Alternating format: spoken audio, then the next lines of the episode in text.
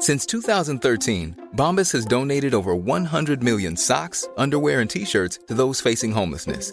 If we counted those on air, this ad would last over 1,157 days. But if we counted the time it takes to make a donation possible, it would take just a few clicks. Because every time you make a purchase, Bombas donates an item to someone who needs it. Go to bombas.com slash ACAST and use code ACAST for 20% off your first purchase. That's bombas.com slash ACAST, code ACAST. Hey, I'm Ryan Reynolds. At Mint Mobile, we like to do the opposite of what Big Wireless does. They charge you a lot, we charge you a little. So naturally, when they announced they'd be raising their prices due to inflation, we decided to deflate our prices due to not hating you. That's right. We're cutting the price of Mint Unlimited from $30 a month to just $15 a month. Give it a try at mintmobile.com slash switch. $45 upfront for three months plus taxes and fees. Promo for new customers for limited time. Unlimited more than 40 gigabytes per month. Slows. Full terms at mintmobile.com. Even when we're on a budget, we still deserve nice things. Quince is a place to scoop up stunning high-end goods for 50 to 80% less than similar brands. They have buttery soft cashmere sweaters starting at $50, luxurious Italian leather bags, and so much more. Plus, Quince only works with factories that use safe, ethical, and responsible manufacturing. Get the high-end goods you'll love without the high price tag with Quince. Go to quince.com slash style for free shipping and 365-day returns.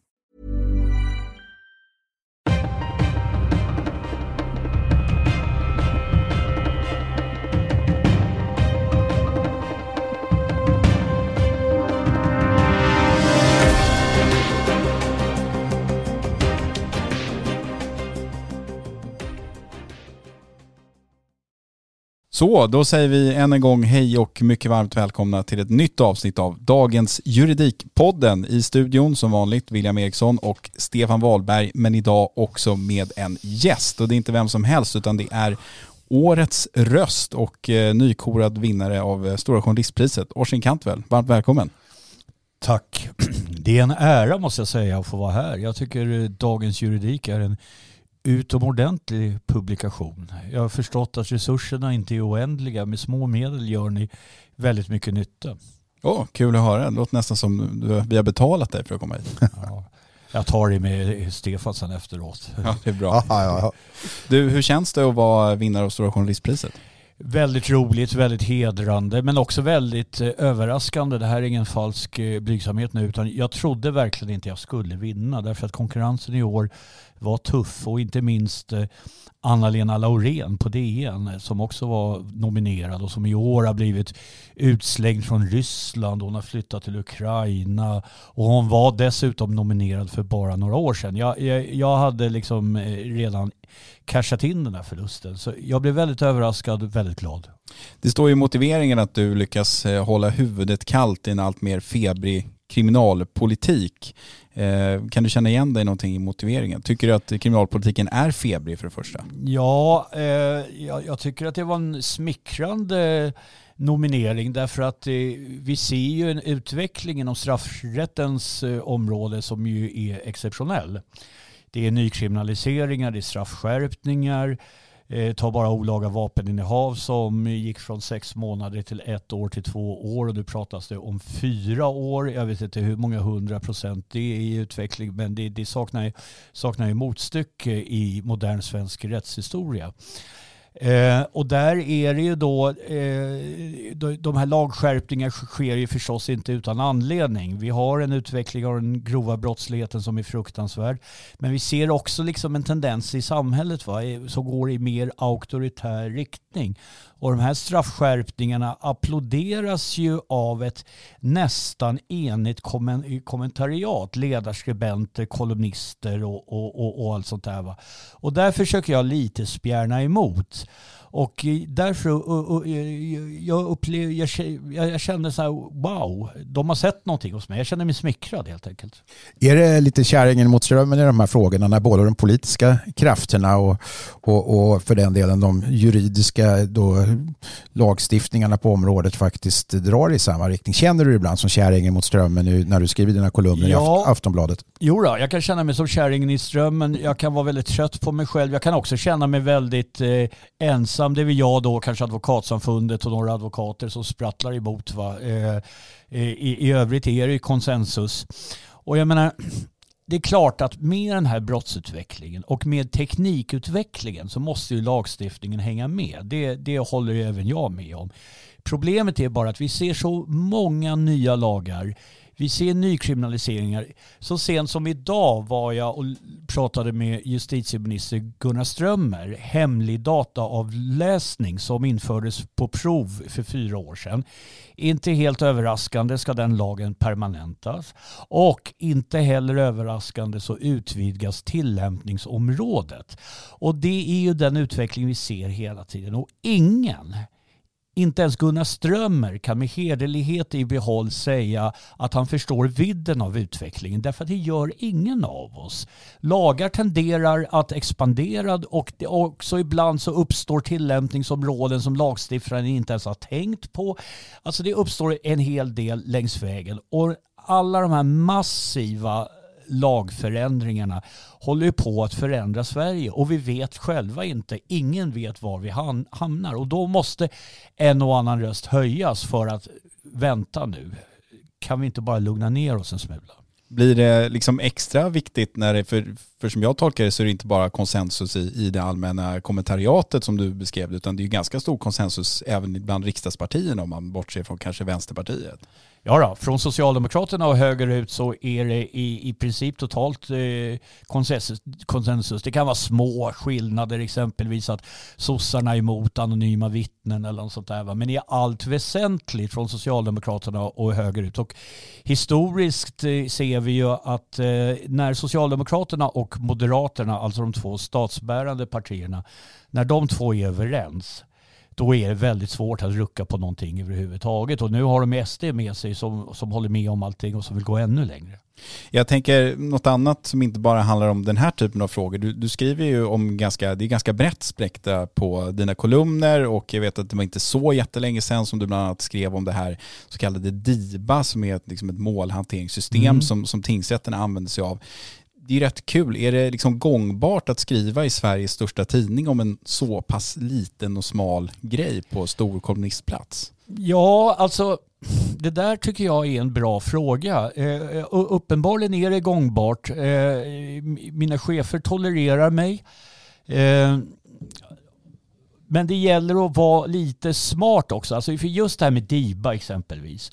Jag har velat skriva om det länge, men det är nördigt, det är teknokratiskt, det är, det är liksom komplicerat. Eh, men så dyker ett gyllene tillfälle upp. Den här förra veckans väldigt uppmärksammade nämndemannadom där då en eh, klimataktivist han fälls för all del, men han slipper straff därför att två av nämndemännen som tillhör eh, Socialdemokraterna och Vänsterpartiet, kanske inte helt överraskande att det är just de partierna, tycker att det råder eh, klimatnödläge i världen och eh, att det därför vore orimligt att straffa honom. det här är ju en ideologiskt betingad dom. Men och den skrev jag om då den kom. Men sen fanns det då plötsligt utrymme för, för en uppföljning eftersom det hade blivit strul i eh, domskrivningen. Alltså i domskälen står det då att det blir straffeftergift. Va? Men i domslutet står att han frias. Och det hade ju att göra med, med eh, det här DIVA-systemet som då i vanlig ordning inte riktigt funkade. Och där fick jag liksom min möjlighet att skriva om det. Och, och jag vinklade då på Eh, den här väldigt uppmärksammade domen och att, och att eh, domstolen i efterhand har eh, ändrat i den. Och då, då blir det gångbart, tyckte åtminstone jag, i, i eh, Skandinaviens största tidning. Eftersom vi har många lyssnare här som inte nödvändigtvis sitter mitt i juridiken så vill jag bara förtydliga att skillnaden på att frias och få straffeftergift är att straffeftergiften innebär att man de facto fälls för den gärning man är åtalad för men inte får något straff medan att man frias innebär att man frias precis. Jag vill bara göra den lilla... Ja, men mycket bra och det, och det får också vissa andra konsekvenser exempelvis den som frias eh, eh, får ingen notering i belastningsregistret. Däremot om då personen eh, fälls men får straffeftergift så, så blir det ändå notering där. Va? Eh, och det är också, jag menar så här, det här handlar ju om, hade de inte gjort någonting åt det där så hade det eh, varit ett, med all sannolikhet varit ett rättegångsfel därför att domskäl och domslut måste ha samma innebörd. Du är inne och tassar en del på alltså, ren kriminaljournalistik också. Du skrev senast idag om ett uppmärksammat mord. Till exempel eh, en kollega till dig på kolumnistplats eh, på Aftonbladet, Jan Guillou, har ju varit ute och mer eller mindre slaktat den svenska kriminalpolitiken i olika eh, uttalanden och krönikor så den senaste tiden. Tycker du att den svenska kriminaljournalistiken är dålig? Jag tycker att Jan, som jag känner eh, väl, jag tycker att han har poänger i sitt resonemang. Alltså det, eh, jag var och lyssnade på Publicistklubben där han eh, satt med i en panel och det, det han tycker är, om jag förstår honom rätt och om jag ska sammanfatta, ja naturligtvis så ska vi uppmärksamma de här morden och de här sprängningarna, men det är också samtidigt väldigt enkel journalistik. Det, den är inte dyr att producera. Man åker ut till något avspärrningsband, tar sina bilder och sen skriver man snabba i texter. Eh, han, han tycker att eh, alldeles för lite journalistik ägnas åt de bakomliggande krafterna och, eh, och vad, precis som det jag själv var inne på, eh, vad gör det med Sverige i form av en allt mer repressiv lagstiftning och så vidare och så vidare. Alltså, kort sagt, han tycker att journalistiken är lat och ytlig och eh, han har poänger i resonemanget. Men samtidigt så känns det som att många redaktioner ändå lägger rätt mycket resurser på sin kriminaljournalistik. Skulle man kunna använda dem annorlunda tänker du och göra något annat med det? Ja, det är riktigt att, eh, att eh, pressen lägger resurser på kriminaljournalistik. Det har den väl i och för sig kanske alltid gjort. Man ska ju komma ihåg att eh, jag menar, redan de gamla grekerna i sina antika tragedier, Shakespeare, Dostojevskij, det är väldigt mycket brott och straff i världslitteraturen. Bibeln är fylld av dels våld, dels sex. Eh, det här är ju ämnen som alltid har intresserat människor. Eh, nu de senaste åren, med den här utvecklingen av den grövsta brottsligheten, så har ju naturligtvis eh, eh journalist, journalistiken hängt med i svängarna och det är också så att eh, Eh, det finns ju helt nya uttrycksmöjligheter också och kommunikationskanaler. En tidning som Aftonbladet är ju inte längre bara en tidning utan vi är en tv-kanal och sådär. Så ja, det satsas mer på journalistik, eller på kriminaljournalistik, men jag tror också att allt det nya eh, och också alla de här hemska morden gör att många kanske får för sig att satsningen är större än vad den är egentligen är. Men för att återgå till din eh, första fråga. Ja, det satsas väldigt mycket. Men det satsas ju väldigt mycket på bara den här ytliga journalistiken. Och det, det, är där som många gånger kritiken kommer in, inte minst ifrån så att säga, vårt håll och vår, vår bransch här i, i, inom juridikens värld.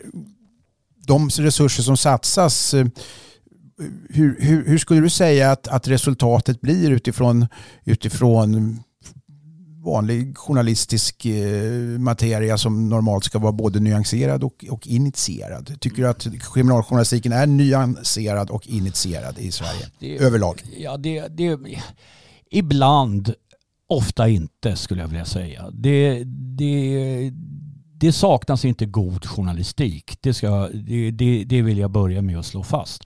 Men alldeles för mycket är, tycker jag, ytligt och slarvigt och också ganska okunnigt. Men det finns också en fixering i journalistik, samma slags eh, fixering som inom politiken. Vad justitieministern kallar till presskonferens och det pratas ju väldigt mycket om straffskärpningar för mord och sådär. Och då kan man ju fråga sig om nu bara 20 procent av de här gangstermorden klaras upp vad ska man då med ännu fler straffskärpningar till? Mördarna går ännu fria. Då kanske det är någonting annat som borde förändras. Exempelvis eh, uppklaringsprocenten borde bli bättre. Alltså, och eh, eh med tanke på att den är konstanta nyrekryteringen av unga kriminella så kanske, så kanske eh, större fokus ska riktas mot att stoppa nyrekryteringen, alltså det förebyggande arbetet. Och där brister också journalistiken. Vi borde prata mer om vad, gör, vad gör vi för att få stopp på det här. Det pratas mycket om liksom danska straff för svenska brott, men det pratas väldigt lite om eh, Danmarks enorma satsningar på förebyggande eh, verksamheten. Där tycker jag journalistiken brister. Sen tycker jag också brister i follow the money, alltså att eh, eh de, de här morden sker ju av en anledning. De kriminella vill tjäna pengar. Eh, sen kan det för all del i enskilda mordfall eh, finnas andra drivkrafter. Men i grund och botten så är det här en ekonomisk verksamhet. Och vi borde rikta större fokus på gängledarna, på pengarna, på ekonomin bli bättre på att se helheterna. Varför morden de hänger ihop med narkotikatrafik och det hänger ihop med bedrägerier. Det, hänger ihop, det är så mycket som hänger ihop. Hur förhåller det sig, tycker du, med om, vi då tittar på den delen av kriminaljournalistiken som, som rimligtvis skulle handla om kritisk granskning av den utredande verksamheten och polisens tillkortakommanden som du själv nämnde indirekt genom att prata om en låg uppklaring här och så vidare. Hur, hur, hur, hur ser du på den typen av så att säga, rent granskande verksamhet av polisens huvuduppgift och att de har fått nästan en fördubblad budget på, på tio år och så vidare? Bristfällig.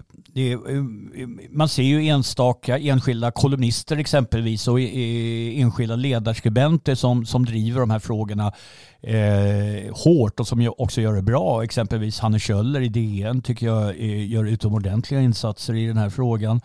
Eh, men överlag så kommer eh, polisen, tycker jag, eh, för lätt undan. Samtidigt som kritiken mot polisen kan också vara lite slafsig. Jag tycker exempelvis att den nu avgående rikspolischefen har fått en del orättvis kritik. Alltså en del i allra högsta grad relevant kritik va? men också en del slafsigt onyanserat och också okunnigt. Va? Därför att även om uppklaringsprocenten måste upp så ser man ju över hela världen en tendens att det, det är svårt att klara upp eh, mord inom den, inom den organiserade brottsligheten. Va? Det, eh, det är välplanerade historier, det är ganska rutinerade utförare för det mesta. Eh, det, I den mån det finns vittnen så vågar ingen säga något. Alltså det är inte så att Sverige isolerat brottas med att, att, att inte klara upp eh, eh, gangstermord. Så, så ser det ut i hela västvärlden. Med det tillägget att i Sverige ligger det på kanske 20 procent eh, och och i den internationellt genomsnittliga siffran tror jag är någonstans runt 30 procent. Så, så visst finns det svensk förbättringspotential. Du, om vi tar ett steg vidare och lyfter blicken från den operativa polisverksamheten till den rättsliga hanteringen. Hur, hur ser du på kriminaljournalistiken i de delar som är rena rättegångsreferat och för övrigt rapporterande kring, kring eh, avkunnade domar och liknande? Ja, där finns ju eh, också en, eh, en, en eh, viss okunnighet för att uttrycka det diplomatiskt. Eh, och, men också en journalistisk tendens att eh, bara köpa det som meddelas. Alltså vi, vi, har ju sett storartade journalistiska prestationer i allt från Kaj Linna till eh, Thomas Quick. Det är ju journalistik som ligger bakom att, eh, att det till slut har blivit resning och frikännande morddomar. Eh, rättsväsendet har sedan tagit över. Så, så det, det finns utomordentliga eh, eh exempel på vad journalistiken kan åstadkomma då den fullt ut eh, fyller sin funktion och, eh, och eh, lyder sitt uppdrag, nämligen kritisk granskning av makten. Men det finns också väldigt, väldigt mycket medhårsjournalistik och tycker jag ofta alldeles för okritiskt förhållningssätt. En annan bransch som ju faktiskt har kommit upp på tapeten de senaste åren det är ju advokatbranschen som jo, har fått väldigt, ja men det har ändå ja. trots allt fått väldigt stort utrymme i både ja, men Expressen och Aftonbladet och, och så vidare och Fredrik Sjöshult på Expressen har ju lagt ner väldigt mycket tid på den här typen av granskningar och så. Eh, det är ju ändå en bransch som kanske tidigare har varit lite mer höjd i dunkel när det kommer till disciplinnämndsavgöranden och sådär. Tycker du att den, den branschen är väl granskad nu för tiden? Det är den definitivt. Eh, jag tycker att eh, journalistiken kring eh, diverse så kallade gangsteradvokater har varit viktig. Det är offentliga medel de eh, rör sig med. Eh, skattebetalarna, vi alla har rätt att kräva att de pengarna används på ett ansvarsfullt sätt. Så har inte alltid varit fallet för att uttrycka det milt. Eh, och eh, vi har ju till och med sett advokater som begår grova brott och döms till eh, långa fängelsestraff. Så det här har varit utomordentlig journalistik. Men sen, där kan jag för all del också tycka att det blir lite slentrianmässigt, att man kanske glömmer bort att i Sverige finns runt nu ungefär 6 000 advokater. Och det är väldigt, väldigt få som missköter sig. Va? Att, att, att det generaliseras en del och sådär. Men med det sagt, advokatkåren går igenom ett stålbad nu. Det är nyttigt för advokaterna, det är nödvändigt och jag tror att de kommer ut på andra sidan som en starkare kår. Apropå follow the money kan man säga att om man tittar på disciplinnämndens eh, liksom hela protokoll så är det ju kanske ofta två, tre avgöranden som handlar om brottmålsadvokater men det är alltid de som får uppmärksamheten. Men det finns ju väldigt många advokater som ägnar sig åt annat som, som kanske inte borde ägna sig åt advokatverksamhet överhuvudtaget. Nej, det har du ju alldeles rätt i. Men det, det, är ju, jag menar, det, det hänger ju ihop med eh, kriminaljournalistiken i övrigt. Va? Det, det, brottmålsadvokaterna är tacksamma. I, inte sällan har de ju redan gjort sitt namn och, och är lite halvkända och så har de representerat eh, skurkar som eh, har blivit väldigt ryktbara. Eh, det är enklare och det är tacksammare att, eh, att uppmärksamma dem än kanske någon eh, slug eh, advokat som har varit inne och trixat i någon ekohärva eller något sånt där. Är de inte lite lätt trampade på tårna ibland advokaterna? Tycker ofta det blir ett väldigt liv när man skriver illa om någon advokat och sådär. Det är gärna hela kåren sluter upp bakom och så. Ja, då, eh, så, så, så, kan det vara. Nu, nu eh, jobbar jag själv i en bransch som är fylld av eh, primadonner och eh, lättrampade tår så jag kanske inte ska säga eh, allt för mycket. Men eh, jo då, nog har även jag fått en del ganska avmätta mejl från diverse advokater som eh, tycker att eh, nu får det väl ändå vara nog med eh, skitkastning på kåren och så vidare. Alltså det är ju ingen hemlighet just nu i varje fall att advokaterna kanske inte tillhör de som utmålas som hjältar i den här branschen direkt utan Nej. snarare tvärtom. Har vi gått ifrån en situation där, där goda grundprinciper som att hellre fria än fälla och så vidare har blivit eh, det motsatta. Det vill säga det blir oftast skandalrubriker när någon frias idag snarare än Eh, när någon fälls. Det vill säga granskningen har kanske vänt åt andra hållet.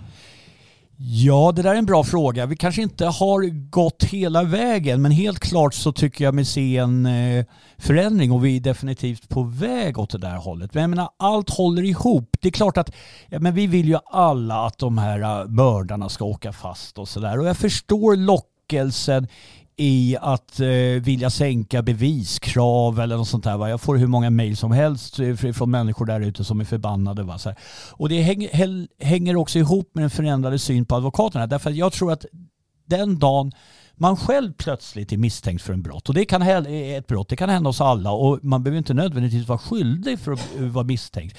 Den dagen så kommer man A vilja ha rättssäkerhet och man kommer B vilja ha en advokat. Men jag tror att det är inte särskilt många, eller det är åtminstone min eh, känsla, att folk liksom inte riktigt tänker så pass långt.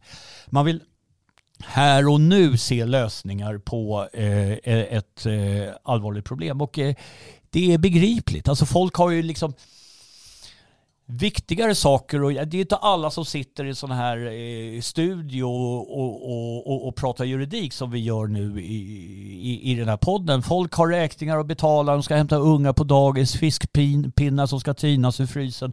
Eh, och så bläddrar man lite i någon tidning och så tycker man att det är för jävligt och nu måste väl ändå någonting ske. Det, det, vi har ju liksom som jobb att tänka i de här frågorna.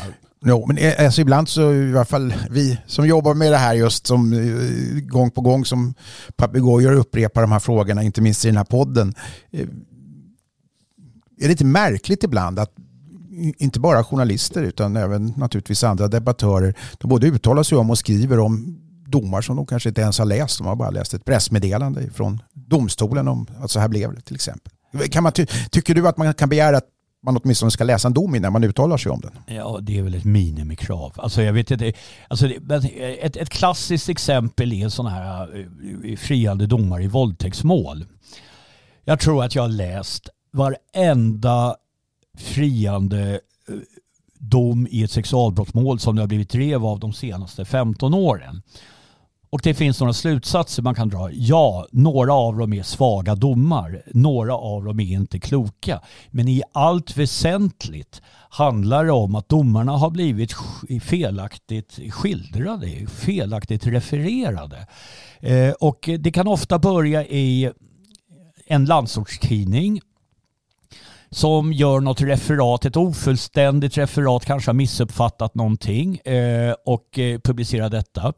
Sen rewritas det av TT och pumpas ut till eh, hela landets eh, nyhetsredaktioner inklusive felaktigheter.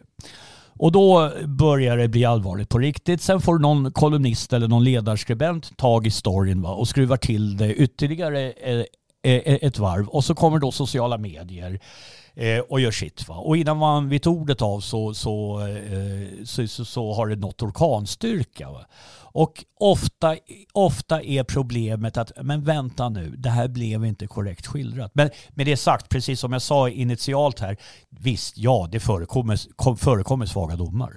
Men det är ju så, vi, eller jag åtminstone brukar ofta hylla det faktum att domstolarna har blivit mycket bättre på att skriva pressmeddelanden. Men det menar du nästan skulle kunna vara ett problem för att det får människor att inte läsa domarna om man ska ut en, en snabb notis 11.02. Nej, det var inte riktigt det jag sa och det var inte heller riktigt det jag menade. Alltså, jag, jag, jag själv tycker också om den här utvecklingen som domstolarna har genomgått där de skickar ut ett, ett bra pressmeddelande, ett fylligt bra pressmeddelande som förklarar grunderna i målet och de överväganden som har gjorts och varför domstolen landar där den landar. Det tror jag är bra. Det tror jag eh, motverkar en hel del missuppfattningar. Jag ser ju liksom, om vi tar bara Aftonbladet, tidningen jag jobbar på, reportrarna som sitter där vid desken det ska gå undan. Domen kommer 11.00. Eh, en, en halv minut senare går flashen ut till läsarna. Eh, friades 18 års fängelse eller whatever. Liksom.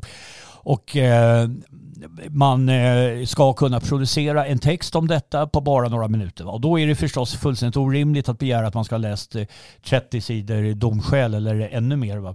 Eh, utan där och då är ett pressmeddelande ett otroligt bra eh, arbetsredskap. Så det är inte pressmeddelandena jag är skulden för det men ibland Ibland missförstås domar. Ibland blir det fel från början och sen blir det någon slags snöbollseffekt va? där det bara blir mer och mer och mer fel. Och sen så är händerna på någon gapig ledarskribent eller, eller, eller något liknande. Va? Så är, ja, då är det fullständigt kört. Du var själv inne på den här uppmärksammade eh, domen mot en klimataktivist från Stockholms tingsrätt förra veckan. Du aktualiserar återigen nämndemannafrågan. Vad, vad står du där? För eller emot eller förändring av systemet eller vad säger du? Eh, jag tycker så här. Strängt taget alla länder i västvärlden har inslag av allmänhet i dömandet. Och det tycker jag är klokt. Dömandet ska inte bara vara en verksamhet för jurister. En eh, 65-årig överläkare behöver inte nödvändigtvis vara sämre på bevisvärderingen än en 26-årig jurist. Så i grund och botten så tycker jag att vi ska, vi ska bevara vårt nämndemannasystem men det skulle behöva reformeras. Alltså för det första den här kopplingen till politiska partier, den är olycklig. Det ser vi nu exempelvis i den här eh, senaste nämndemannadomen. Jag minns också när det var som mest kring Assange och utländska journalister ringde mig och, och man skulle förklara det här med politiskt tillsatta domar. De tyckte att liksom, nej, men det där är ju inte klokt. Va? Har ni ingen maktdelning i, i det, det, det, där uppe i Norden? Eller vad håller ni på med? Va? Så det där systemet skulle behöva reformeras. Och eh, det tillsattes ju en nämndemannautredning som la fram eh, goda förslag för en fem, sex år sedan, tror jag det var. Den, inte helt överraskande så slängdes den utredningen i papperskorgen. Va? Därför att de politiska partierna de vill ha de här reträttplatserna för folk som de inte riktigt eh, kan göra sig av med på annat sätt. Och det, det, det, det är inte bra, det är olyckligt. Men eh, jag menar om det nu är som det är nu, om man inte så att säga är emot nämndemän, får man då lite acceptera att det kan bli som det blir ibland? Jag menar det har ju varit en hel del uppmärksammade nämndemannadomar de senaste åren. Här får man liksom bara gilla läget då? Ja, alltså li, lite tror jag man får gilla läget. Alltså knasiga domar uppstår, och gud ska veta att det är inte bara nämndemän, även juristdomare kan, kan meddela eh, knäppa domar. Va? Men jag, jag tror att vi får lita på systemet. Det är ofta de här nämndemannadomarna, det, det är ju bara i tingsrätten nämndemännen som eh, nämndemännen är i majoritet. Och i den mån det blir knas så får det rättas till i nästa instans. Den här domen vi har pratat om nu, klimataktivisten, där har ju åklagaren sagt att eh, eh åklagaren kommer att överklaga den här domen och jag tror inte jag går händelserna allt för mycket eller allt för vådligt i förväg om jag säger att den där personen kommer dömas i hovrätten. Du, eh, va, Nej, det, vad... det, tror jag, det tror jag inte är, är något kontroversiellt att säga. Det ligger i farans riktning, Alltså, så som kan- jurist skulle ha Exakt sagt. så. Vad, eh, vad har du på gång framöver då? Vad, vad tror du kommer hända under 2024? Vad kommer bli de stora säger, rättspolitiska frågorna att ta ställning till eller krönikera om 2024? Oj, eh, nu är inte jag Saida så jag vet inte. Men jag menar, vi, vi, vi, vi ser ju lite hur det redan eh, pratas om eh, det här med dubbelt, med, dra in medborgarskap och det senaste utspelet var att göra människor statslösa. Så eh, jag tror att eh, debatten lite kommer att kretsa kring det. Glädjande nog så, kan, så, så tycker jag också det här med integritetsfrågor, det vill säga vår rätt till skydd och privatliv mot staten. Det som var så väldigt starkt för inte så länge sedan, eh, drygt årtionde sedan, FRA-debatten och sådär. Det har ju helt avstannat. Men nu tycker jag mig se tendenser till att debatten är på väg tillbaka. Och eh, om jag får rätt så är det, det är i så fall väldigt, väldigt glädjande. Visst, det kan finnas väldigt goda skäl till att vår frihet kringskärs eh, lite. Va? Men det ska fan inte ske utan en ordentlig debatt. Men den debatten finns ju inte riktigt idag ändå. Nej, den det finns, finns kanske inte på riktigt. nätet men det är sällan den är uppe i Aktuellt så att säga. Absolut, men jag tycker mig se små tendenser att den kanske är på väg tillbaka. Vi har sett lite olika lagar som för all del för sent men ändå har vållat viss uppståndelse, utlandsspionage igen och sådana saker. Va? Lite tycker jag att, att, att, att, att det börjar återvända debatt. Men alltså, vi har ju en del myndigheter i Sverige som idkar tillsyn över de här frågorna och en utmärkt myndighet som i varje fall Dagens Juridik kontinuerligt rapporterar ifrån är ju Säkerhets och integritetsskyddsnämnden som har statsmakternas uppdrag att hålla efter till exempel frågor om hemliga tvångsmedel och integritet och sådär. De kommer ju med jämna mellanrum med ganska eh, hård kritik emot avlyssning och åklagare och sådär. Varför skriver till exempel inte Aftonbladet mer om dem? Varför bara, varför, har ni bevakning på det? Eller ni, du ska inte stå till svars för Aftonbladet, men generellt så att säga, vanlig media. Nej, det är nog ingen större bevakning där. Men, men eh, just deras kritik, alltså jag har skrivit ändå ett antal eh, kolumner om just dem och deras årliga granskningar. Ja, jag, jag bara vill inflika, du är ju då undantaget som kolumnist som, i Tack. den allmänna världen som gör detta. Men jag tänkte mer din åsikt kring de övriga medierna som inte gör det. Nej, alltså jag tror att det där eh, uppfattas som en ganska obskyr instans som håller på med konstigheter och krångligheter och, och det har vi inte tid med. Ja, vi får väl se hur det blir med den saken då. Vi säger stort tack till Orsin Cantwell, årets röst och vinnare av Stora Journalistpriset för att du gästade Dagens Juridikpodden. Tack för att jag fick komma.